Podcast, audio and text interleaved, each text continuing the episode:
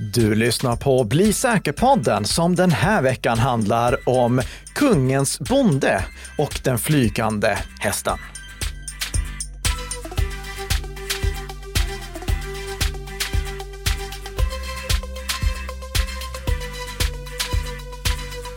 Var i schack har man en flygande häst? Det har jag missat. Eh, Hästen är ju på sätt och vis flygande i och med att den kan hoppa över bönderna.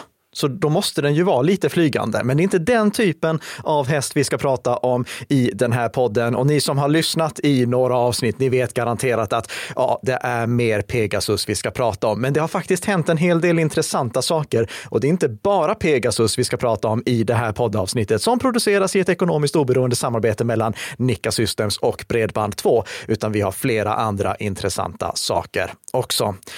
Avsnittet är inspelat den 20 april för sändning den 21 april och det är alltså då avsnitt 194. Och vi börjar med att följa upp någonting som vi pratade om i avsnitt 193. Just det, för att du är inte ensam om att såga FBI. Nej, Precis, och nu tänker ni eh, såga FBI. Ja, det var ju det här vi nämnde väldigt snabbt i förbifarten, nämligen att juicejacking, risken för att din mobil blir infekterad av att du laddar den på flygplatsen eller på hotellet är väldigt låg. Och bara för att krydda med lite mer information om att just det är trams, vilket ni kan läsa mer om i den länkade artikeln, så har nu även EFF, alltså Electronic Frontier Foundation och eh, Freedom of the Press gått ut med information om att ja, det här som eh, FBI varnar för, det är en risk som eh, inte är värd att eh, oroa sig för som en vanlig privatperson. Självfallet någonting man ska fundera över ifall man är extra utsatt. Och som jag har sagt många gånger, om ni får en USB-pryl av någon, någon som vill ge den specifikt till er, då finns det en risk. Men ni behöver inte vara oroliga för att det är någon angripare som tänker att oh, jag ska lägga pengar på att springa runt på stan och byta ut alla USB-laddare i hopp om att någon kopplar in sig här och det är värt att attackera just den personen och den personens mobiltelefon dessutom är sårbar för just den sårbarheten som jag har attackpreparerat min USB-laddare för. Så är det. Ännu en vecka, ännu en eh, sak som händer i vad som vi vanligt folk kallar chattkontroll 2.0. Exakt, det har faktiskt hänt en hel del sedan vi pratade om det sist. Eh, Miljöpartiet de har meddelat att de tar avstånd från det här förslaget.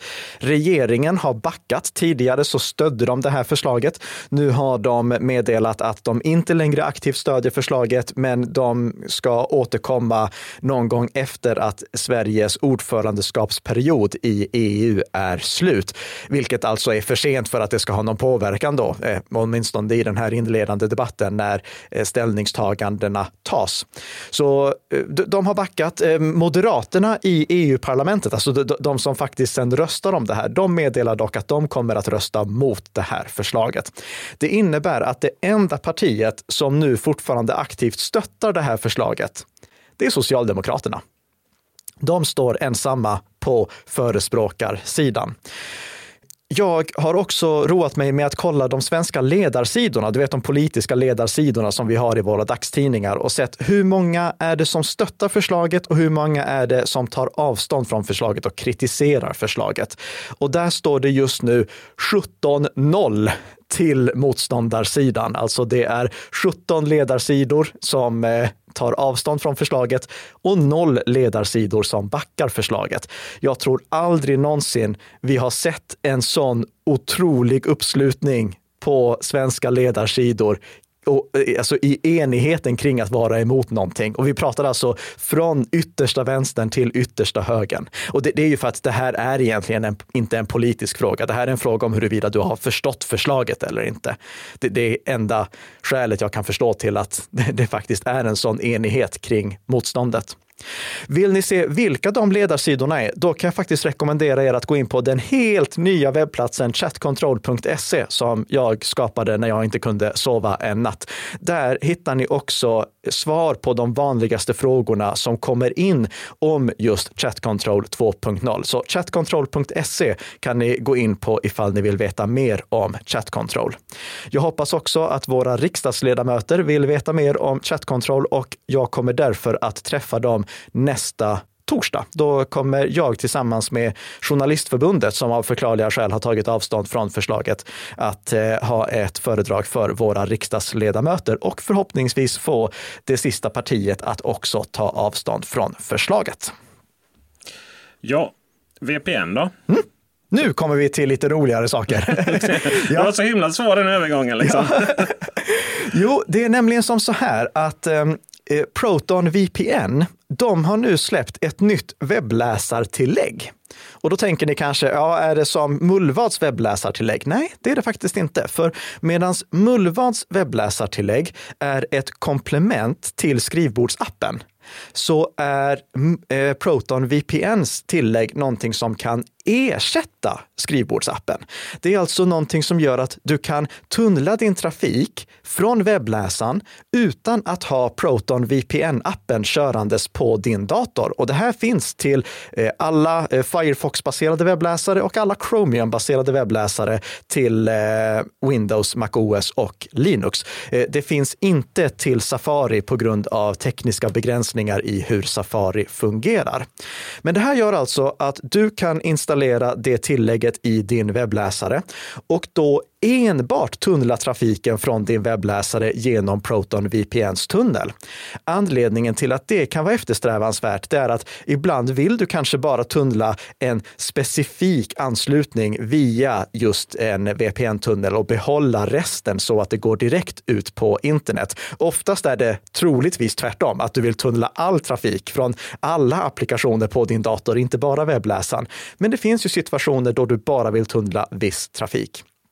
I det här tillägget så kan du också välja att exkludera specifika domäner. Så om vi säger att du aktiverar det här tillägget i din webbläsare och sen har lagt in en, eh, en domänexkludering för en streamingtjänst. För visst har det hänt någon gång Peter för dig att du har försökt att eh, ansluta till en streamingtjänst via VPN, men då har den sagt att ah, du får inte ansluta eftersom du använder VPN. Eh, jag kan varken bekräfta eller förneka att jag försöker kolla på eh, Sequest DSV på amerikanska Netflix. Okej, okay, ja. Men eh, om det skulle vara så att det är en svensk VPN-tjänst, eh, förlåt, en svensk streamingtjänst som ger dig den här blockeringen, eller om du är i USA och den amerikanska eh, streamingtjänsten då blockerar dig för att du ansluter via en VPN, då kan du exkludera den ur det här tillägget så att anslutningen går direkt. Oftast så är det ju tvärtom, att du vill använda en VPN-tjänst för att komma åt någonting eh, som är geoblockerat, men det kan ju vara tvärtom också. Eller ifall det är så som jag har satt upp det på Nika Systems, att enbart specifika IP-adresser får ansluta till vissa saker då måste jag också exkludera delar av min VPN-trafik så att jag kan fortfarande ansluta till de här IP-adressbegränsade resurserna. Den här funktionen, den påminner alltså lite om eh, Mozilla VPN. För Mozilla VPN, de har ju en, ett liknande tillägg som visserligen förlitar sig på att du har skrivbordsapplikationen körandes också, vilket alltså inte Proton VPNs lösning gör. Men det skiljer sig på en stor punkt och det är faktumet att medan Mozilla VPN stödjer Firefox-containrar så att du kan välja att de här containrarna, flikarna som är i de containrarna containrarna i Firefox, de ska tunnlas ut via det landet och flikarna som är i den här containern ska tunnlas ut i det här landet, så finns inte det stödet hos Proton VPN. Utan med Proton VPN då får du istället ha olika profiler. Så du får ha en profil för att tunnla till ett land och ett, en profil för att tunnla till ett annat land. Eller till exempel använda Firefox för att tunnla till USA och Chrome för att tunnla till Tyskland, Nå någonting sånt. Så det fungerar lite annorlunda. Eh, jag föredrar ju den här containerlösningen och det är inte så konstigt. Eh, du använder ju inte ens Firefox förresten, Peter. Nej. Nej. Vet du vad den stora poängen med de här containrarna är? Nej. Nej. Eh, och, och det, alltså, ifall fler bara hade förstått storheten med Firefox-containrar. Om det... fler hade varit som Karl-Emil Nicka ja, nej, men, så det... hade världen varit så mycket bättre. Oh nej, det hade varit fruktansvärt. Men, då. men, men poängen med Firefox-containrar, som alltså är Mozillas gåva till mänskligheten, det är att du kan ha en container som du använder för ditt, eh, ditt jobb och en container som du använder för privata sammanhang. Och sen kan du vara inloggad på olika konton i de här olika containrarna. Allting i samma webbläsare med samma tillägg och med samma historik, men ändå uppdelat så att du kan vara inloggad på flera olika konton på samma webbplats. Och det här stödjer då Mozilla VPN också så att du kan tunnla till olika länder beroende på container.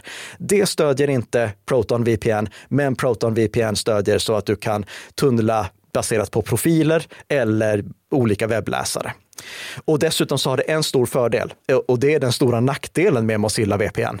Mozilla VPN måste nämligen tunnla all trafik. Det, det, går inte att välja att jag vill ha en container som ska ansluta direkt ut på internet. Men med Proton VPN, då går det ju i och med att du kan välja att låta bli att tunnla antingen specifika domäner eller så väljer du att ha en webbläsarinstans eller en webbläsarprofil där du inte kör Proton VPN-tillägget. Så väldigt kul att se att de pålitliga VPN-tjänsterna, som då till exempel Proton VPN och Mozilla VPN. Vet du vad Mozilla VPN är i grund och botten? Så mycket frågor. Ja, det, eh, det är Mullvad VPN. Aha. Ja. ja, det, jag, ja alltså, det var nästan, men jag vågade liksom ja, inte. Nej, det är, nej. Mozilla VPN är Jaha, Mullvad VPN. Intressant. Ja. ja. Men, men eh, jag ser att de liksom uppfinner sådana här saker som gör att specialcasen i VPN-behoven. Alltså, alltså, de som har speciella VPN-behov, de får sådana här lite småfina lösningar. Och det här är alltså tillgängligt nu för alla betalande Proton VPN-kunder. Vi ska prata om Lockbit, eh, mm. eh, utpressningstrojan mot eh, MacOS. Ja. Men jag kom på en sak. En Lockbit utpressningstrojan, den skulle man kunna kalla en lockbit på svenska. En bit som lockar. Ja, oh, oh, oh, du, det, det, hade jag inte ens tänkt. Ja, för, för det är ju precis det. Ja, exakt. Det, det, det, är ju precis det som de här utpressningstrojanerna ofta är. De lockar dig till att installera någonting på din dator som sen utpressningskrypterar den. Eh, då är frågan, kan det hända att Lockbit faktiskt är svenskar och att de tänkte på den ordvitsen? Mm. Eller är det rent av Peter Esse som ligger bakom? Ja, just det. Nej. nej, nej. Ja, det skulle kunna vara det för att eh, det verkar inte gå så bra för den här eh, Lockbit-trojanen då på MacOS. Eh, inte än. Eh, och det är väl det som är den stora nyheten här. Det var nämligen som så här att eh, Malware Hunter Team, de hittade en fil som var preparerad med Lockbit-utpressningstrojanen i en MacOS-anpassad version. Vi har tidigare sett Lockbit för Windows och för Linux, men nu hittade de alltså då också också en eh, fil som innehöll en MacOS-anpassad utpressningstrojan, en MacOS-anpassad version av Lockbit. Och just att de hittade den på Virus Total, det är ju ytterligare en påminnelse om att vi inte ska ladda upp känsliga dokument till Virus Total för att i så fall så kan säkerhetsforskare kunna ta del av dem också. Patrick Wardle som driver Objective-C som vi har hyllat många gånger i den här podden pre-esse. Alltså vi har ju delat in podden i pre-esse och post-esse. Och pre-esse så har vi ofta hyllat eh, Patrick Wardle och det jobbet som han gör. Han har granskat den här utpressningen utpressningstrojanen och hela rapporten finns på hans webbplats som vi länkar till i våra show notes. Och han konstaterar att nuvarande version, det är en testversion eller en betaversion. Det är inte den eh, slutliga versionen. Och det baserar han på två saker. För det första, utpressningstrojanen som eh, var på eh, Virus Total, den var osignerad. Så risken att någon skulle infekteras med den var väldigt låg eftersom om eh, applikationen är osignerad, då måste användaren gå runt en massa varningar för att eh, överhuvudtaget kunna köra den. Och dessutom så kraschade utpressningstrojanen, så den gjorde ingen skada. Det var alltså inte en färdig version. Men i en kommentar till Bleeping Computer, till Lawrence Abrams. Lawrence Abrams är ju eh, fantastisk reporter när det kommer till att skriva om utpressningstrojaner och jag tror att alla som utvecklar utpressningstrojaner vet vem Lawrence Abrams är. Han fick en kommentar från utvecklarna av Lockbit, alltså från de här angriparna, som meddelade att citat Mac Encryptor is actively being developed. Alltså, de håller på att utveckla den här trojanen för MacOS. Och det är intressant eftersom det tyder på att nu finns det kommersiell gångbarhet i att attackera MacOS. Det finns alltså så många företag som kör MacOS att det finns pengar att hämta på att attackera dem med utpressningstrojaner. Det är alltså värt att utveckla sådana här verktyg som sen går att sälja till andra angripare som vill attackera organisationer organisationer som kör MacOS för att försöka få pengar från dem. Det är en eh, intressant nyhet i sig, för det tyder lite på att eh, världens företag är inte längre Windows-exklusiva. Microsoft äger inte alla organisationer längre.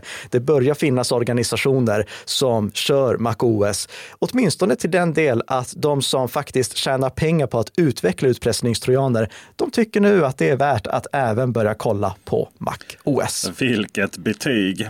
Ja. ja men du, nu är det alltså eh, flygande hästar och kungars bondar. Och, ja, du får förklara dessa metaforer. Ja, det är faktiskt inte metaforer, utan det är namn på skadeprogram. Kungens bonde, det syftar alltså på Kingspawn och flygande hästen, det syftar såklart på Pegasus. Vi kommer att ta upp nya exempel på hur Pegasus har använts och hur Pegasus har stoppats. Men vi börjar alltså med Kingspan och Kingspan är ett nytt skadeprogram. Vi har inte sett det talas om det tidigare. Det här eh, som jag kommer att berätta nu, det är en rapport som eh, Citizen Lab och Microsoft Security har tagit fram tillsammans angående just Kingspan och vi länkar därför till båda de två eh, webbplatserna där det finns information om just Kingspan. Kingspan. Men vad är Kingspan? Jo, Kingspan är enligt Microsoft med hög eh, förlåt, med medelhög sannolikhet en del av RAIN. Och vad är Rain då? Jo, Rain det är en eh, plattform med eh, eh, olika kända sårbarheter, skadeprogram och infrastruktur för att kunna exfiltrera data från mobila enheter. Precis som Pegasus som vi har pratat om många gånger tidigare. Det låter inte som regn då, utan någonting annat. Precis, Rain, det, det, det är mitt skandinaviska uttal här. Rain, alltså Born to Rain, du vet eh, Will Smiths klassiska album Born to Rain, Born to, alltså född att regera. regera. Ja. Mm. Och där därav Kings Pawn också. Alltså det, det är relaterat till kungen där på ett eller annat sätt. Och Rain, vad är det? Jo, det är då en plattform som tillhandahålls av israeliska Quadream. Och vilka är Quadream då? Jo, Quadream det är eh, ett gäng avhoppare från NSO Group. Och NSO Group, de vet du mycket väl vilka är. Ja, det där israeliska gänget som eh, blev kända för att lyckas ta sig in i eh, iPhones framför allt. Ja där ingen annan kunde det och används mot politiker och eh, både före detta och nuvarande president i Frankrike som Exakt. är då samma. Vilken pik där. Ja. Förlåt. Ja. ja, ehm, det är alltså de som ligger bakom Pegasus och Quadream är avhoppare från Pegasus, eh, från eh, NSO Group-gänget. Quadream, de har en liten grupp hos sig som kallas antingen Dev 0196 eller Carmin Tsunami. Jag kommer kalla dem Dev 0196 i den här podden. Och Microsoft säger att Kingspan är med hög sannolikhet utvecklat av Dev 0196. Så vi har alltså ett skadeprogram som heter Kingspan som är utvecklat av Dev 0196 som är en del av Quadream och eh, även en del av Rain-plattformen med hög sannolikhet. Det blev många termer där för mm. er som vill hänga med. Man får ha ett flödesschema. ja, exakt. Eh, och vi lägger till en term till för att nolldagars sårbarheten som gjorde att de här Quadream, att den här Quadream-gruppen kunde infektera iOS 14 mobiler. Den kallas End of Days och varför ska jag förklara alldeles strax. Men först och främst iOS 14, det är ju den eh, det är en version av iOS som inte underhålls längre. Idag kör vi ju iOS 15 och iOS 16. Men eh, det här är information om saker som hände 2022 och då var fortfarande iOS 14 relevant. Så eh, vi eh, får tänka på att det här det är alltså rapport om vad som har hänt. Och det är ju tyvärr så i de här exemplen att vi vet inte exakt vad som händer nu. Vi vet bara vad som har hänt, så det är återblickar. Vad gjorde då eh, den här nolldagars sårbarheten, End of Days? Jo, den gjorde att de som utvecklade det här verktyget, den här plattformen, kunde infektera mobiler och med hjälp av just det här skadeprogrammet Kingspan komma åt en hel del intressant information. Till exempel vilken iOS-version som mobilen körde, batteristatus, det är kanske inte så intressant i och för sig, men wifi-information, vilka mobilnät, eh, vilka wifi-nät som mobilen är uppkopplad mot, mobilnätsinformation, vilken operatör som används och vilket telefonnumret är, filer på mobilen, komma åt kameran i bakgrunden, både framkameran och bakkameran, komma åt mikrofon telefonen i bakgrunden, kunna komma åt platsen som mobilen befinner sig på, kunna spela in samtal. Eh, just att spela in samtal är ju någonting som väldigt många vill kunna göra, eh, men kanske inte att någon annan ska spela in ens samtal.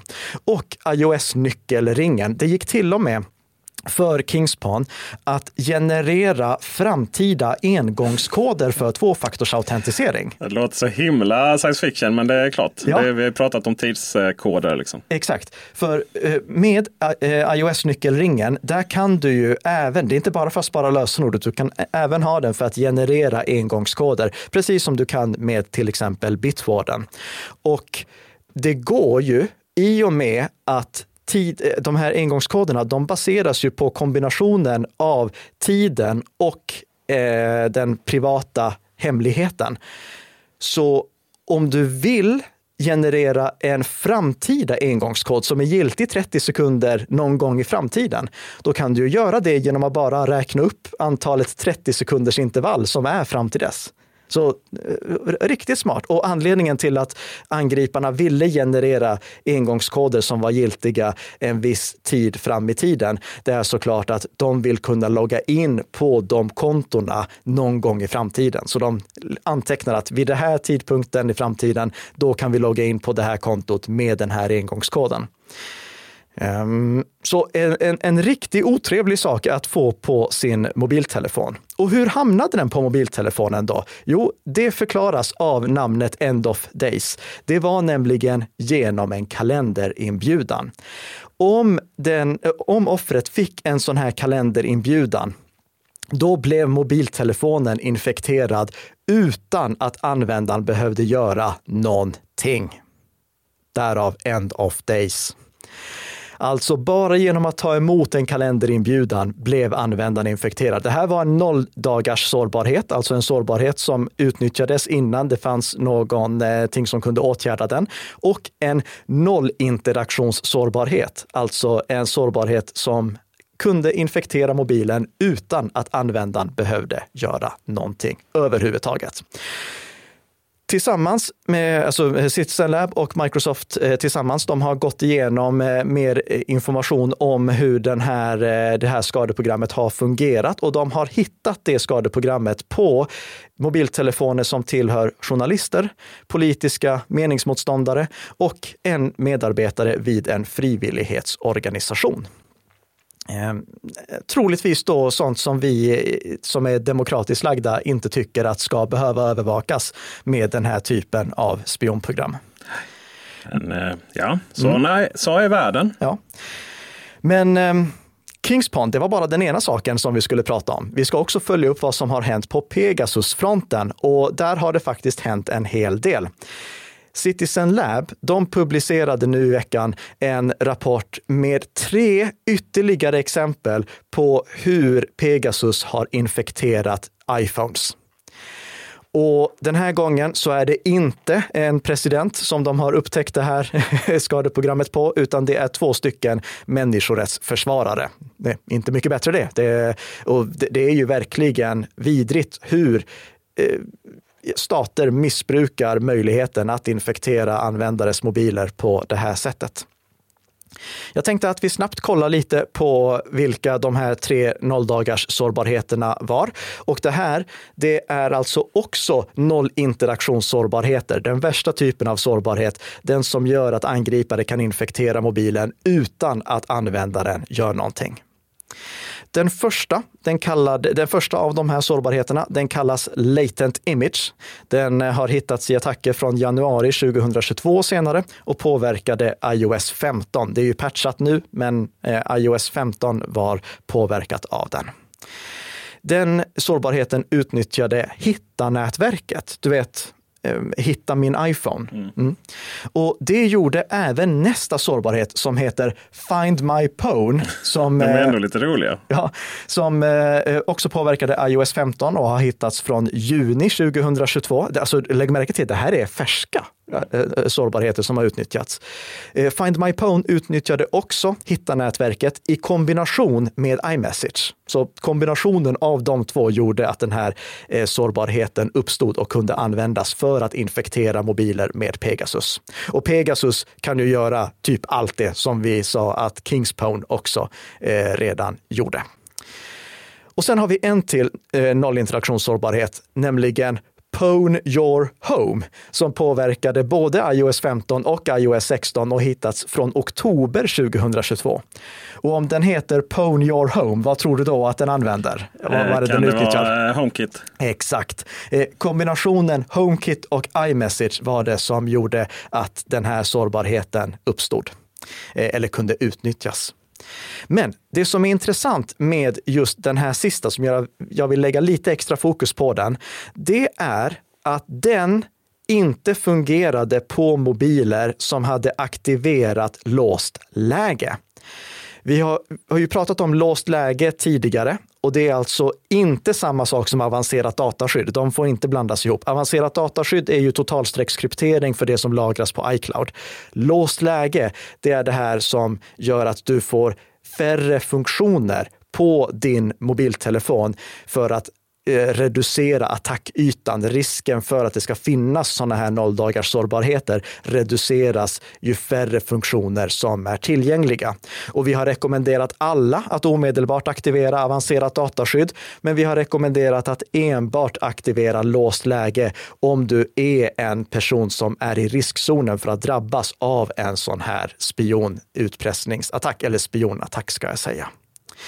Det som eh, Eh, citizen Lab tillkännager, det är att en person som blev attackerad med Pegasus och försökte infekteras via Pwn Your Home-sårbarheten fick upp en varning på sin mobiltelefon där det stod att låst läge hade förhindrat den attacken. Det finns en mockup på deras webbplats om ni vill se hur den varningen ser ut. Citizen Lab meddelar också att de inte har sett någon som har infekterats via Pwn Your Home och har haft låst läge aktivt. Jag tror därmed att vi har det första bekräftade exemplet på att låst läge har skyddat mot den här typen av spionprogram. Ytterligare ett skäl alltså till att aktivera det om du är politiker eller om du jobbar inom försvaret eller om du är en eh, högt uppsatt företagsledare. Alltså de personer som är i riskzonen för att bli utsatta för den här typen av spionattacker. Givetvis även eh, frihetskämpar, meningsmotståndare i länder som inte är demokratiska, eh, journalister som eh, pysslar med den typen av bevakning där det här är relevant. Alla ni, överväg att aktivera det, för nu har vi alltså ett konkret exempel på att avancera, äh, nu höll jag på att blanda ihop dem, på att låst läge faktiskt skyddar. Vi kommer troligtvis inte att få se fler exempel på sådana här notiser från mobiltelefoner som har försökt att infekteras via Pwn Your Home på en mobil som har låst läge. Och det är för att det går för en angripare eller för en vanlig människa också för den delen att testa om mobilen har låst läge aktiverat. Det, det, det avslöjas alltså om mobilen har låst läge. Det finns till och med webbplatser som kan testa om låst läge är aktiverat. Så troligtvis för att NSO Group inte vill avslöja kommande kommande attacker, då tar de och testar först om låst läge är aktiverat och sen kör de attacken bara på mobiltelefoner som inte har eh, låst läge aktiverat och som inte är uppdaterade till iOS 16.1 för iOS 16.1 har med högsta sannolikhet täppt till den här sårbarheten, Pwn your home. Så kom ihåg, oavsett om du är en intressant måltavla i eh, staters eh, attacker, se till att uppdatera din mobiltelefon. Den här typen av spionprogram, de är ju verkligen kontroversiella. Och frågan är liksom om en nation använder dem, gör de då rätt? Alltså är det rätt av en nation att använda kommersiellt tillgängliga spionprogram för att infektera det som de bedömer att vara legitima måltavlor? I och med att om de finansierar den här typen av verksamhet och använder de här sårbarheterna för att infektera måltavlor, då bidrar de ju till att alla blir mindre säkra. För om de istället hade rapporterat de här sårbarheterna till Apple och till Google, då hade Apple och Google kunnat täppa till dem. Men nu väljer då de nationer som köper Pegasus eller Kingspone eh, att faktiskt låta de här sårbarheterna finnas kvar. Det är ett moraliskt dilemma kan vi väl säga. Eh, Biden har faktiskt, eh, det här gjorde han den 27 mars, han har förbjudit federala myndigheter att eh, köpa kommersiellt utvecklade spionprogram. Du vet, FBI, de påstås ha köpt det, men de förnekar att de har använt Pegasus. Så de har gett pengar, men de får ingen användning för det? Jag tror att de ville undersöka hur det fungerade. Ja, ja. Sen är det klart, jag tror ju inte att det här på något sätt påverkar NSA. För jag tror inte för det första att de bryr sig om den här uppmaningen och för det andra så tror jag att de har möjligheten att utveckla den typen av spionprogram själv. Men det är ändå en intressant sak. Det, är en bra poäng som Biden för fram i och med att då erkänner han ändå att det här är ett problem. Kommersiella spionprogram är ett problem för hela världen. Så han sätter tummen på någonting viktigt oavsett om det påverkar eh, just USA eller inte. Och det är någonting som vi ska tänka på här i Sverige också. För du vet, eh, det var, jag ska se här, eh, den femte 5 april, då rapporterade eh, SVT Nyheter att citat, regeringen vill ge polisen rätt att använda hemlig avlyssning för att komma åt gängbrottslighet utan att det finns en konkret brottsmisstanke. Eh, slutcitat.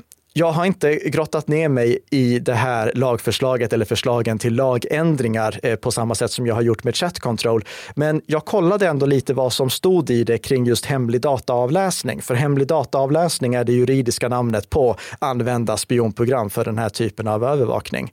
Och det står så här i kapitel 9, citat.